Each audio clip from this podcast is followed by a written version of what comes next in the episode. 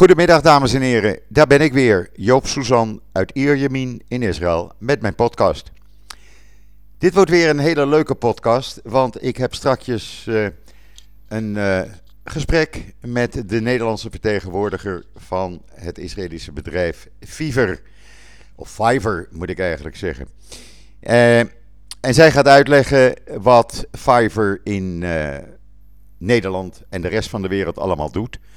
En uh, ja, hoeveel behoefte er is aan de diensten van dit Israëlische bedrijf, ook in Nederland. Maar zoals gebruikelijk eerst even het weer. Ja, ik kan niet anders zeggen, het is nog steeds warm in Israël. Hoe gek het ook klinkt, we hadden regen moeten hebben. Gisteren zijn er wel hier en daar wat druppels gevallen, meer daar dan hier bij mij. Maar dat stelt allemaal niks voor. Uh, het is nog steeds 30, 32 graden overdag, s'nachts 22 graden. Uh, blauwe lucht, geen wolkje te zien, weinig wind. Uh, alhoewel die later in de middag altijd zoals gebruikelijk de laatste weken behoorlijk weer uh, opkomt.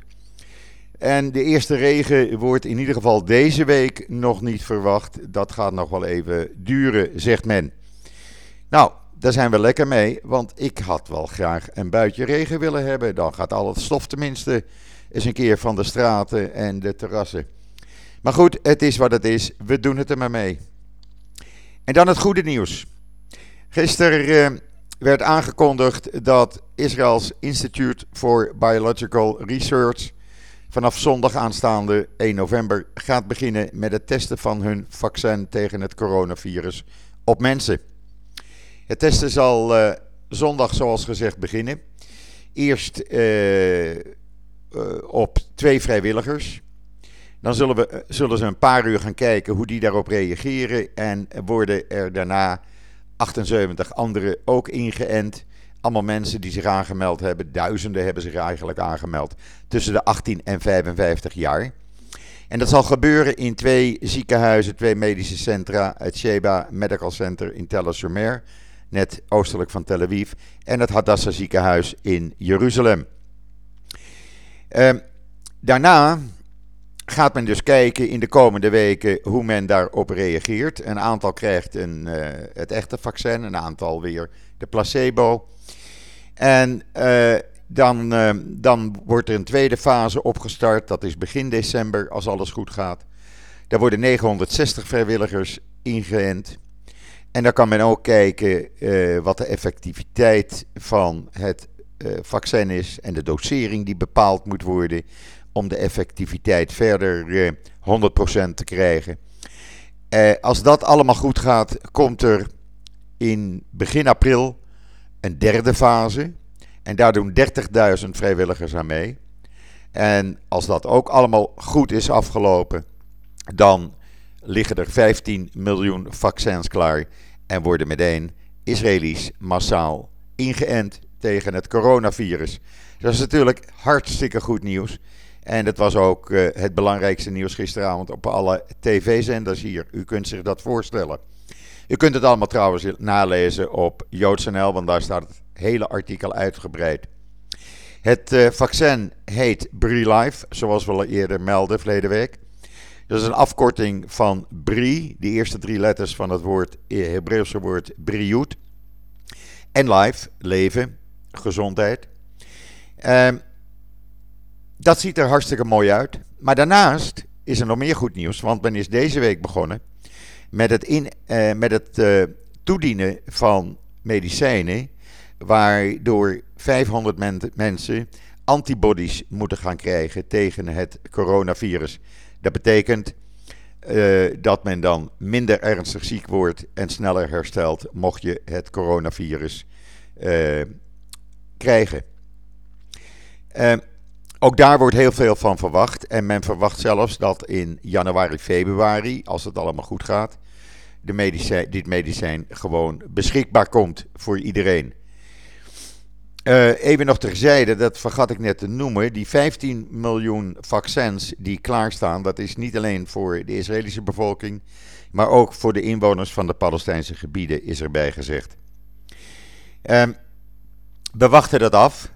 Tot nu toe zijn alle testen die uh, men met dit nieuwe vaccin heeft gedaan hartstikke positief verlopen. En er wordt enorm veel uh, dus van verwacht. De verwachtingen zijn hoog. Hoe dit gaat ontwikkelen. Natuurlijk op JoodsNL houden we u natuurlijk helemaal op de hoogte. En daar dan iets ander goed nieuws, maar ook weer slecht nieuws aan de ene kant.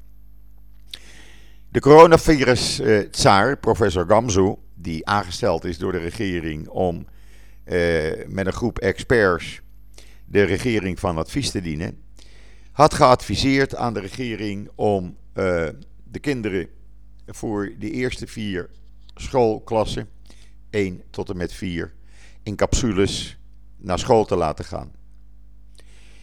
Dat gaat niet door, omdat premier Netanyahu heeft gezegd: ja, sorry, dat is allemaal wel mooi dat advies, maar dat kost hartstikke veel geld en dat hebben we niet. Het kost anderhalf miljard, miljard euro omgerekend, 6 miljard shekel. En dat geld hebben we niet, dat is op. Ja, dat krijg je natuurlijk als er geen begroting is, want dan weet je ook niet hoeveel er in kas is. Maar dat even terzijde. Dus wat heeft uh, Netanyahu en zijn coronavirus-kabinet besloten in tegenstelling tot het advies van professor Gamzu en zijn uh, experts? Uh, het is in de wind geslagen en volgens het plan wat nu wordt uitgevoerd gaan vanaf komende zondag kinderen uit de eerste en tweede klas drie dagen per week naar school. Dat wil zeggen dat klassen door de helft worden gedeeld. De ene helft van zondag tot dinsdag, de andere helft woensdag tot en met vrijdag. En de groepen uh, vanuit de derde en vierde klas, die uh, gaan gewoon vijf dagen naar school, terwijl kinderen vanuit, vanaf de vijfde klas en hoger uh, geen schoolonderwijs krijgen, maar onderwijs op afstand. Uh, ja, dat deed bij velen gisteravond de wenkbrauwen omhoog fronzen. Want opnieuw is er een advies van de experts in de wind geslagen.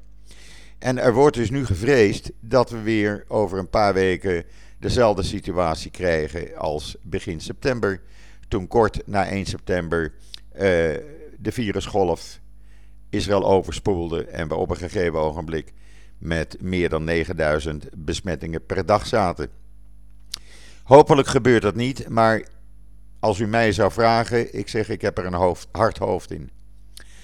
Voorlopig is wel de lockdown waarin we zitten met uh, een aantal dagen verlengd, in ieder geval tot zondag.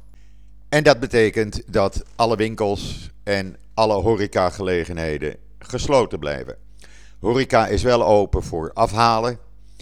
Uh, maar ja, dat kan je in de supermarkt ook. Die zijn ook open. Daar is ook take-out. Uh, dus dat is een, dat is een ramp. als u kijkt op JoodsNL, ik heb gisteren een artikel erop gezet. waaruit Dun Bradstreet voorspelt. Of eigenlijk heeft berekend. dat er in Israël dit jaar 80.000 bedrijven. definitief hun deuren hebben gesloten. Dat is enorm veel. Er zijn er wel een enkele tienduizenden nieuwe bedrijfjes bijgekomen. Maar dat zet geen zoden aan de dijk. Ook voor volgend jaar gaat men ervan uit dat er in Israël minstens 60.000 bedrijven hun deuren volgend jaar zullen gaan sluiten. Dat is natuurlijk een ramp. Dat is echt een ramp. En dat speelt ook mee bij die uh, wekelijkse uh, demonstraties tegen premier Netanyahu. Omdat ja, steeds meer mensen in Israël, en dat is echt, geloof mij, een overgrote meerderheid, zegt ja, er is helemaal geen beleid uh, voor de aanpak van het coronavirus. Het is een zigzagbeleid. De ene keer wordt dit gezegd, kort daarna wordt dat weer veranderd. De minister van Financiën heeft opeens verstand van gezondheid en komt met allerlei adviezen. De minister van Onderwijs eh, zegt: uh, Ik ben vroeger uh, opperbevelhebber van het leger geweest, ik ben generaal. En ik weet dat je gewoon alle scholen gewoon moet opengooien. Ja, dat werkt natuurlijk niet op die manier. En men is dat gewoon zat.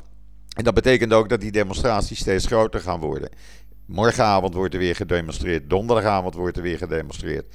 En op zaterdagavond, zoals afgelopen zaterdagavond ook, op meer dan duizend plekken in het hele land grote demonstraties tegen premier Netanyahu.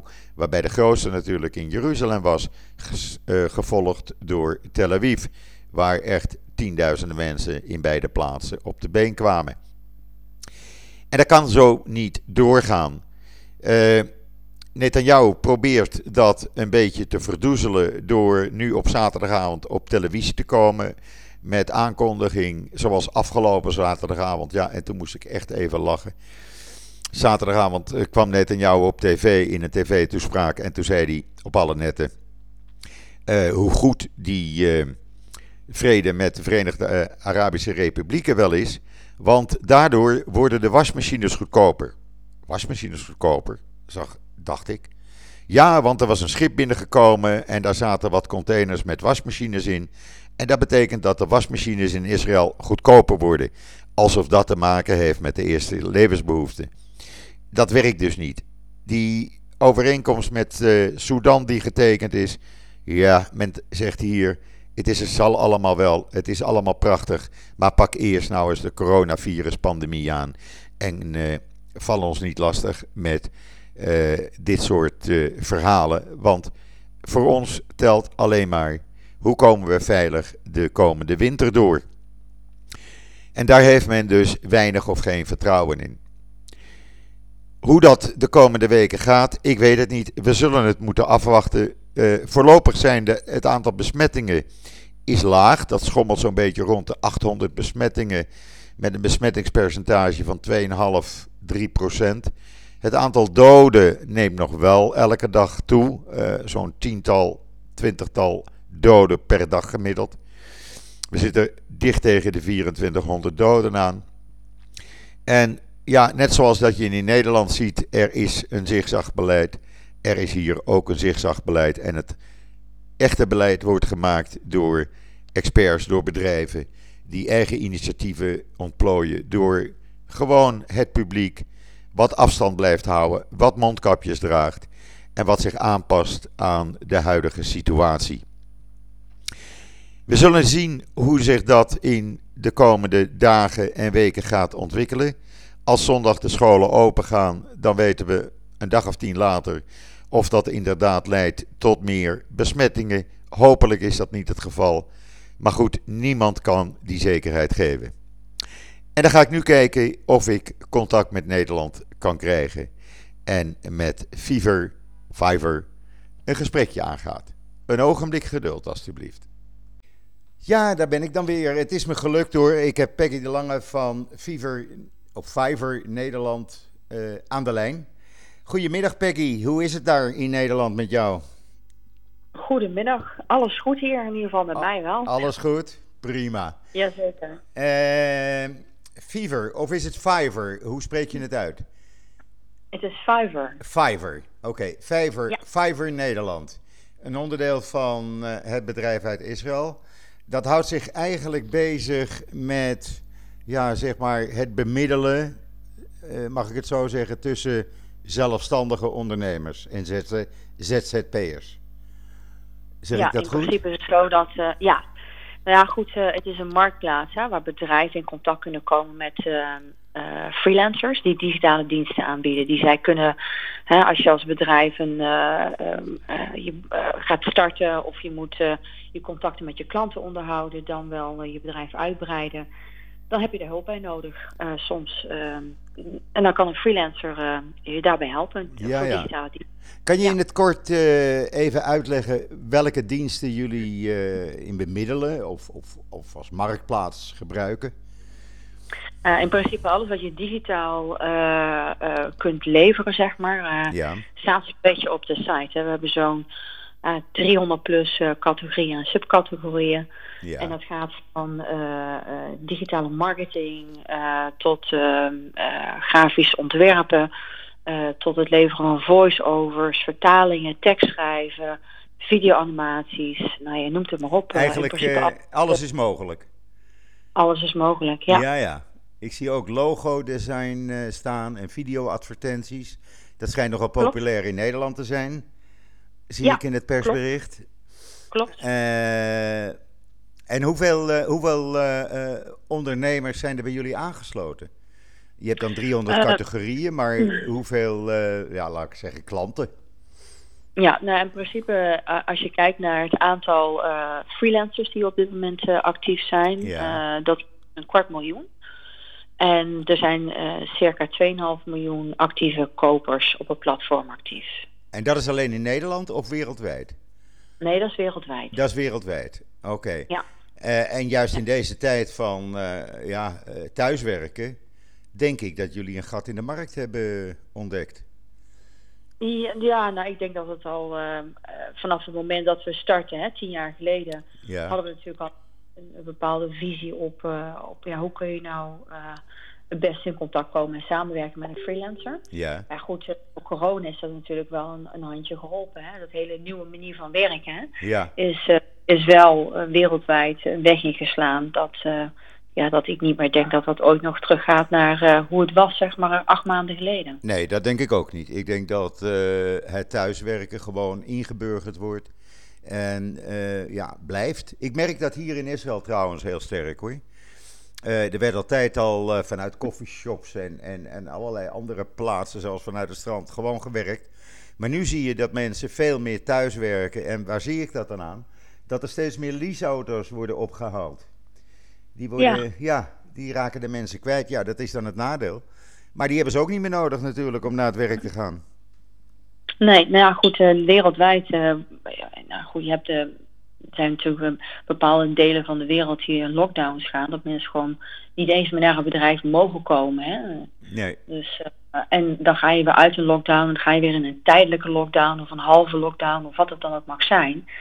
Maar ja, voorlopig, zolang het virus rondwaart, uh, ja, zul je geforceerd zijn om thuis te werken. En ik denk, acht, acht, maanden geleden werd, was de wereld in een shock. Hè? Niemand wist uh, van hoe en hoe ga je dat faciliteren thuis en met kinderen. En de wereld stond op zijn kop. En ja, goed, en gelukkig zijn mensen hebben een, een goed vermogen om uh, zich aan te kunnen passen. En nu dus een tweede lockdown gaat hier in Europa, in Nederland uh, spreken ze er ook wel over. Uh, ik las vandaag dat Spanje in een totale lockdown gaat tot mei 2021, geloof ik. Um, zie je wel dat mensen die infrastructuur al wel voor een groot deel hebben. Hè? Dat thuiswerken, dat dat mogelijk is ja. voor ze. Ja. Ja, en dat zal wel de trend gaan worden en blijven zijn, ja. Ja, dus voor jullie, voor jullie bedrijf wat dergelijke diensten aanbiedt, die, uh, die maken gelijk, of helpen eigenlijk de thuiswerkende freelancers en ZZP'ers. Uh, het is een verlengstuk van hun bedrijf eigenlijk geworden. Zie, zie, ik dat goed?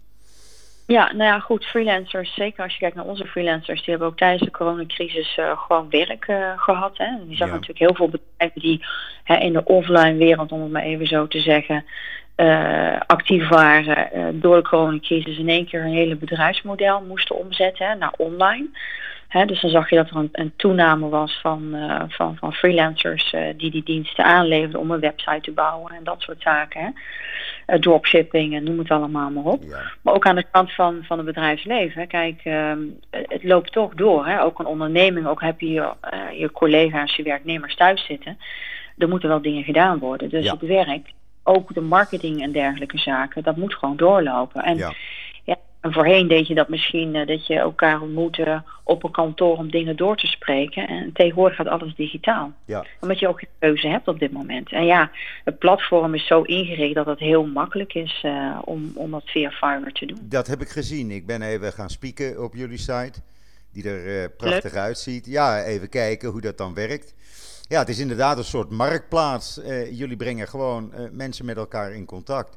Mensen bieden hun, hun diensten aan en er zijn anderen die diensten vragen. En ja, daar zit dan een, uh, een winstmodel in natuurlijk voor, voor Fiverr. Wat logisch is. Ja. Maar het verkort wel, zeg maar, de lijntjes naar, op, tussen opdrachtgevers en mensen die een opdracht nodig hebben. Ja, nou ik denk dat het, uh, als je kijkt naar Fiverr, een tegenstelling tot heel veel andere platformen, hè, waar ook freelancers op zitten. Ik denk dat het businessmodel van Fiverr wel heel uniek is. Hè. De ervaring zoals je uh, met een freelancer kunt samenwerken, is eigenlijk uh, alsof je met een webshop, hè, als je een product koopt op een webshop. Ja. alle freelancers die bieden hun diensten daar aan tegen de prijzen die ze zelf vaststellen. Hè. Dat, daar zitten wij niet tussen, dat mogen ze zelf bepalen. Um, en op het moment dat jij iets ziet dat je zegt van nou goed, die dienst uh, die staat mij aan.